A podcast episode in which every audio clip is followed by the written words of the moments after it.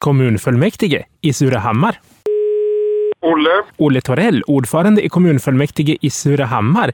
På februarisammanträdet diskuterades bland annat ett par medborgarförslag. Ett av dessa handlade om en ändring av skylten vid Vråken. Vad handlar det om? Det var ett förslag från en eh, medborgare som tyckte att eh, det borde ändras parkeringsregler och skyltar om eh, vem som får parkera var i kvarteret Bråken. Och det är ju Surahammars hus som eh, äger de fastigheterna och bestämmer över parkeringsreglerna där. Så vi svarade från fullmäktige att tyvärr så är det inte kommunfullmäktiges sak att bestämma och så skickar vi vidare medborgarförslaget till Surahammars hus. Så får de eh, hantera den här saken. Ett eh, annat medborgarförslag kan tänkas låta lite äventyrligt. Det handlade om en vattendamm under sessionssalen. Det skulle man kunna tänka med en fallucka kanske från sessionssalen. Men det är det inte. Utan vi har ju ett fantastiskt, eh, en fantastisk sessionssal i kommunhuset i Surahammar. Det är en utbyggnad i vackert blått som eh, sträcker sig ut från kommunhuset och står på pelare och under de här pelarna så finns det en, eh, vad som från början var en fontän eller en damm, en vattenspegel under det här och den har stått torr i många, många år. Och här är ett eh, förslag från en medborgare som tycker att man borde fylla den där med vatten så att det ser ut som det var tänkt från början med arkitektens eh, ritningar. Där har vi velat från kommunen att bygga om den under många år därför att den är må hända vacker men ganska opraktisk på många sätt. Men där har det stött på patrull med Länsstyrelsen som tycker att det här är ett byggnadsminne. Det är en sån unik eh, byggnad så att den får inte ändras på knappt någonting. Och där har det varit en diskussion ihop med Länsstyrelsen i över ett eh, decennium om att få ändra på det här och tyvärr så kan vi inte göra någonting åt byggnaden eller eh, vattendammen under förrän vi är överens med Länsstyrelsen om exakt hur vi får eh, ändra eh, utseendet på byggnaden. Så den, eh, det är ungefär svaret på den, det medborgarförslaget. Men vi är stolta i Surahammar över vår vackra sessionssal. En pärla verkligen bland Sveriges kommunfullmäktigesalar. Men eh, det är inte lätt att ha en unik byggnad översatt till ett par motioner från ledamöterna. Ett par av dessa handlade om hundrastgårdar runt om i kommunen. Var det samma tema eller var det liksom olika innehåll i dem?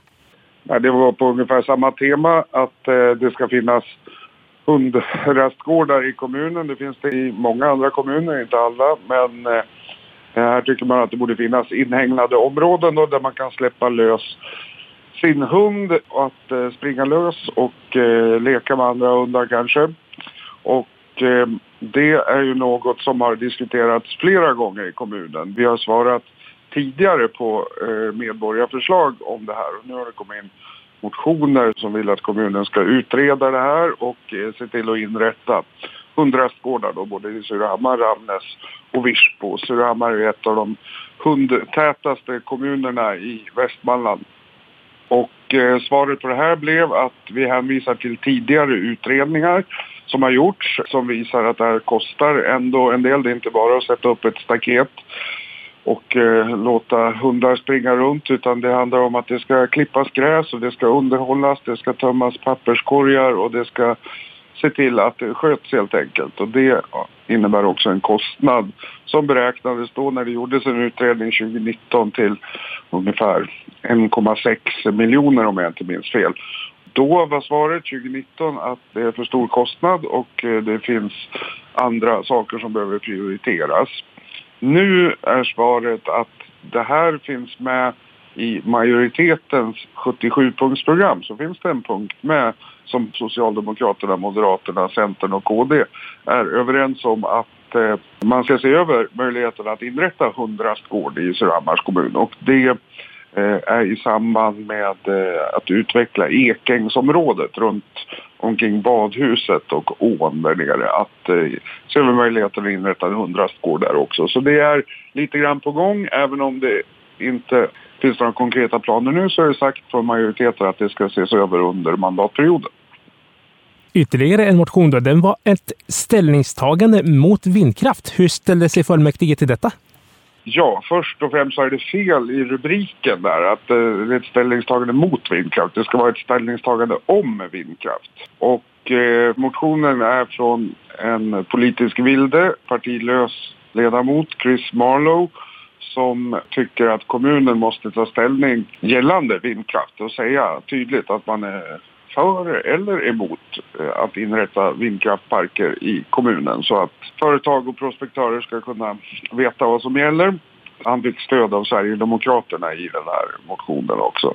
Och svaret från majoriteten det blev att eh, eftersom det inte finns några konkreta förslag eller projekt att ta ställning till så är det svårt att bara säga eh, ja eller nej till vindkraft när vi inte vet vad det handlar om. Om det handlar om jättestora vindkraftverk, jättemånga eller om det är få och mindre, var de ska placeras vilken eh, ekonomisk ersättning som kan utgå till kringboende, till markägare, till kommuninvånare. För det finns ju sådana förslag också om att man ska få ekonomisk ersättning i kommunen om någon smäller upp vindkraftparker. Och inget av det här vet vi hur det kommer att bli. Så då tycker vi att det är oklokt att svara på den här motionen med att säga att vi är för eller vi är emot. Utan vi kommer att ta ställning till varje förslag eh, som kommer. Om det kommer något förslag så kommer vi ta ställning till det med beaktande av om det är lämplig placering och vilka ekonomiska incitament det finns, vad eh, kommuninvånarna och de kringboende tycker förstås. Allt det där kommer att tas hänsyn till i fall för fall. Så det var svaret på den motionen. Så den röstades ner. Utöver det vi har pratat om här och nu, är det någonting som du skulle vilja lyfta från det senaste sammanträdet i fullmäktige? Ja, det blev en lång diskussion på ett informationsärende. Och ett informationsärende är ju ingenting man fattar beslut om utan det är bara en rapport man får. Och här var det en lång diskussion under punkten information, verksamhetsplaner 24 från nämnder och bolagsstyrelser. Det är ju så att budgetrambeslutet togs förra året för i år och sen är det upp till nämnderna att eh, göra sina verksamhetsplaner och detaljbudgetar och så fattar de beslut om det i nämnderna och rapporterar bara det till eh, fullmäktige efterhand. Så budgetdiskussionen är liksom avklarad förra året. Men under den här punkten så ville Chris Marlowe att eh, det här ärendet skulle återremitteras. Att det skulle skickas tillbaka för ytterligare behandling efter anmärkningar som han hade på de här verksamhetsplanerna och ärendets hantering.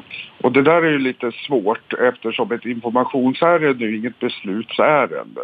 Och huruvida man kan återremittera ett informationsärende, det hade ingen i salen varit med om förut att man kan göra. Så vi aktionerade oss, läste på kommunallagen och kom fram till att det går inte att fatta beslut om återremiss på ett informationsärende. Så det fick jag som ordförande fatta beslut om. Men eh, det var en lång diskussion. Innan det beslutet kom var det en lång, lång diskussion om eh, äldreomsorgen i Surahammar. Därför att eh, Chris Marlowe ville tydligen ha en diskussion om kvaliteten på äldreomsorgen och arbetsmiljön i äldreomsorgen. Och han fick väl svar av andra partier och eh, svaret var också att den här diskussionen har vi redan tagit i budgetramdiskussionen och i de olika nämnderna, socialnämnden bland annat, där Chris Barlow också är, där han har en plats. Så det var en lite märklig diskussion som slutade med att jag vägrade skicka det här på återremiss Jag ställde inte frågan till fullmäktige utan jag dömde av den. Så det var den diskussionen också. Så långt eh, kommunfullmäktige i februari. När är det dags för nästa möte? Det är i början på april. Jag har inte datumet exakt för mig, men jag ser fram emot att berätta om det också när det är avklarat. Tack Olle! Tack ska du ha.